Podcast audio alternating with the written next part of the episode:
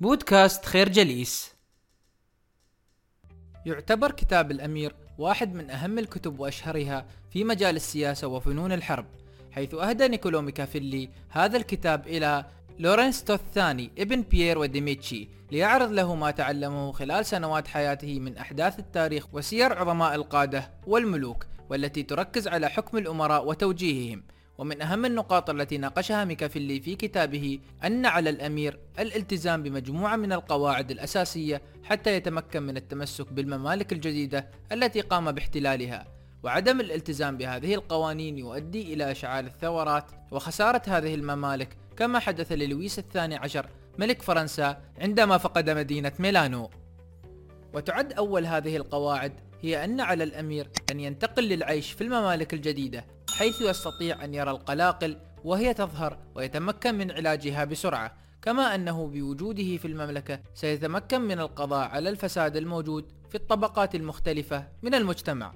أما بالنسبة للقاعدة الثانية فهي أن على الأمير أن يقوم بإنشاء مستعمرات جديدة فيها حيث أنها لا تكلف الكثير من المال كما أن أصحابها يكون ولاءهم للأمير. كذلك على الأمير أن يتزعم جيرانه الضعفاء ويدافع عنهم. وأن يعمل على إضعاف جيرانه الأقوياء الذين من الممكن أن يكون لهم مطامع في المملكة الجديدة. وأخيرا على الأمير أن يكون لماحا ومتيقظا دائما لما يحدث حوله وأن يقوم باتخاذ قرارات فورية دون أي تأخير. وعندما نرجع إلى مثال لويس الثاني عشر نجد أنه خالف جميع هذه القواعد حيث أنه لم يذهب للعيش في ميلانو ولم يقوم بإنشاء أي من المستعمرات وقام بتدمير الدول الصغيرة والضعيفة حوله. وزاد نفوذ دولة واحدة في إيطاليا ولم يكن يقظا لما يحدث حوله من مؤامرات وثورات وبالتالي خسر مملكة ميلانو. الفكرة على الأمير أن يراعي قواعد مهمة حتى يتمكن من التمسك بالممالك الجديدة. عندما ننظر إلى الصعوبات التي تواجه السيطرة على الممالك الجديدة هنا يثار سؤال مهم وهو كيف حدث أن أصبح الإسكندر الأكبر سيد آسيا في سنين قليلة ولم يكد يحتلها حتى عاجلته المنية ولم تثر الولايات المختلفة على خلفائه حيث احتفظ خلفاؤه بملكها لأنفسهم وبدون مقاومة تذكر. لكي نستطيع الإجابة على هذا السؤال يجب أن نعرف أن الممالك عادة ما تحكم بطريقتين. الأولى هي أن يحكمها أمير وأتباعه مثل الدولة العثمانية حيث يقوم الأتباع بمساعدة الأمير في حكم المملكة كوزراء ويكون الأمير كامل السلطة على الدولة حيث يقسم الممالك إلى دول صغيرة ويعين عليها حكام إداريين ويغيرهم ويستدعيهم متى يشاء. ويعد احتلال هذا النوع من الممالك صعب جدا حيث أن الحكومة فيها تكون مركزية وقوية كما أن ولاء الدولة يكون بيد الأمير. ولكن إذا كسر الأمير وهزم بالحرب فإنه من السهل بمكان الحفاظ على هذه المملكة لأنها كانت تستمد قوتها من الأمير. أما النوع الثاني من الممالك فهو أن يحكمها أمير ونبلاء مثل فرنسا حيث يلعب النبلاء دور رئيسي ومهم في سياسة المملكة ويتبوأون مراكزهم من دون مساعدة من الأمير ولهم سلطة على إقطاعاتهم. وعلى المواطنين القاطنين في تلك المناطق حيث أنهم يدينون لهم بالولاء والطاعة ولهم امتيازات لا يستطيع حتى الأمير أن يحرمهم منها من دون أن يعرض نفسه للخطر.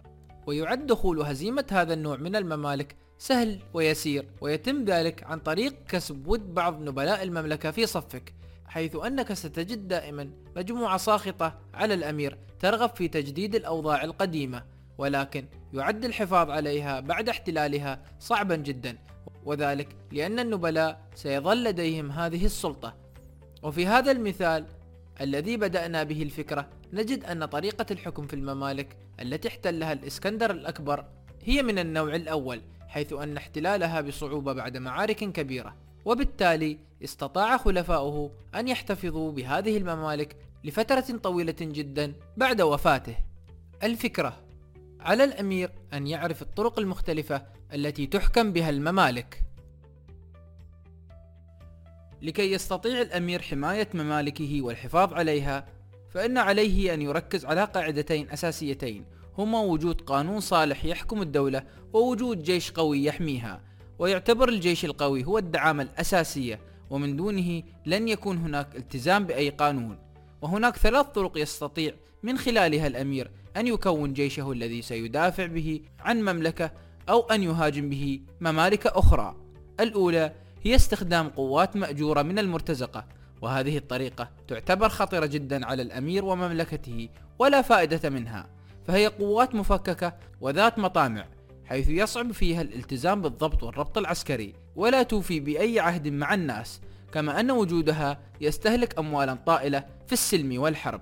وخير مثال على فشل هذا النوع هو ما حدث لإيطاليا حيث كانت تعتمد ولفترة طويلة على قوات مأجورة وبالتالي استطاع الملك الفرنسي تشارل أن يستولي عليها بأقل مجهود ممكن. أما النوع الثاني من الجيوش فهم الجيوش المساعدة من الولايات القوية المجاورة وهي كذلك عديمة الفائدة وشديدة الخطورة كالقوات المأجورة وهناك العديد من الأمثلة من التاريخ والتي توضح خطورة هذه القوات. فمثلا قامت الإمبراطورية القسطنطينية بحشد عشرة آلاف تركي في بلاد اليونان لكي يقاوموا القوات المعادية من ولايات مجاورة. وبعد انتهاء الحرب رفض الأتراك الجلاء والعودة إلى بلادهم واستقروا في بلاد اليونان. أما بالنسبة للنوع الثالث من قوات الجيوش فهي القوات الوطنية. والتي تتكون من المواطنين ورعايا المملكة نفسها وهي داعمة الأمير الأساسية حيث لا سلامة له من دون قوات وطنية ومن دونها يتوقف مصيره ومصير مملكته على الحظ والقدر. وعندما ننظر إلى التاريخ نرى أن الممالك التي استطاعت أن تعيش حرة لقرون طويلة كان لديها قوات وطنية مسلحة تسليحا قوي. وخير مثال لنا في ذلك الإمبراطورية الرومانية ودولة إسبرطة والسويسريون. الفكرة لكي يستطيع الأمير حماية ممالكه عليه أن يملك جيش قوي وطني وليس من قوات أجنبية من المرتزقة أو الممالك المجاورة. يعتبر فن الحرب أحد أهم العلوم التي يجب على الأمير أن يتعلمها ويبرع فيها فالحرب هي الطريقة الرئيسية للسيطرة على ممالك جديدة. كما أنها الطريقة التي قد تؤدي إلى فقدان الأمير لممالكه وشتان ما بين رجل مسلح ورجل أعزل. فليس من المعقول أن نتوهم بأن رجلا مسلحا يطيع راغبا رجلا أعزل. ولذلك ينبغي على الأمير أن لا يدع التدريب العسكري سواء كان في السلم أو في الحرب حيث أنه يستطيع أن يدرب نفسه بطريقتين أساسيتين. الأولى عملية والأخرى نظرية. فمن الناحية العملية يتوجب على الأمير أن يركز على تدريب وتنظيم رجاله لكي يتعلموا الضبط والربط وأن يكونوا مستعدين لأسوأ الظروف والمصاعب.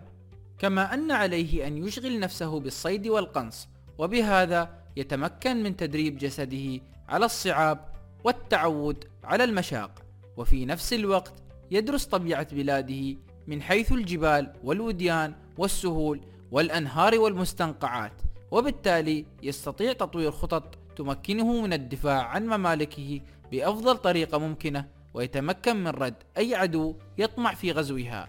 أما من الناحية النظرية فيجب على الأمير أن يشحذ ذهنه بقراءة التاريخ ودراسة سير العظماء من الأمراء والقادة ويرى كيف كان سلوكهم في زمن الحرب والسلم ويعرف أسباب انتصاراتهم وعلل هزائمهم. لكي يحذو حذو الظافرين ويتجنب هزائم المقهورين. وعندما ننظر إلى التاريخ نجد أن العديد من هؤلاء العظماء قد قاموا بدراسة أسلافهم. فقام الإسكندر الأعظم بتقليد أخيل واقتدى سبكو بقورش.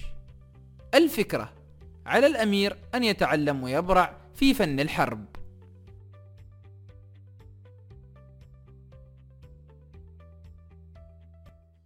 نشكركم على حسن استماعكم. تابعونا على مواقع التواصل الاجتماعي لخير جليس. كما يسرنا الاستماع لآرائكم واقتراحاتكم. ونسعد باشتراككم في البودكاست.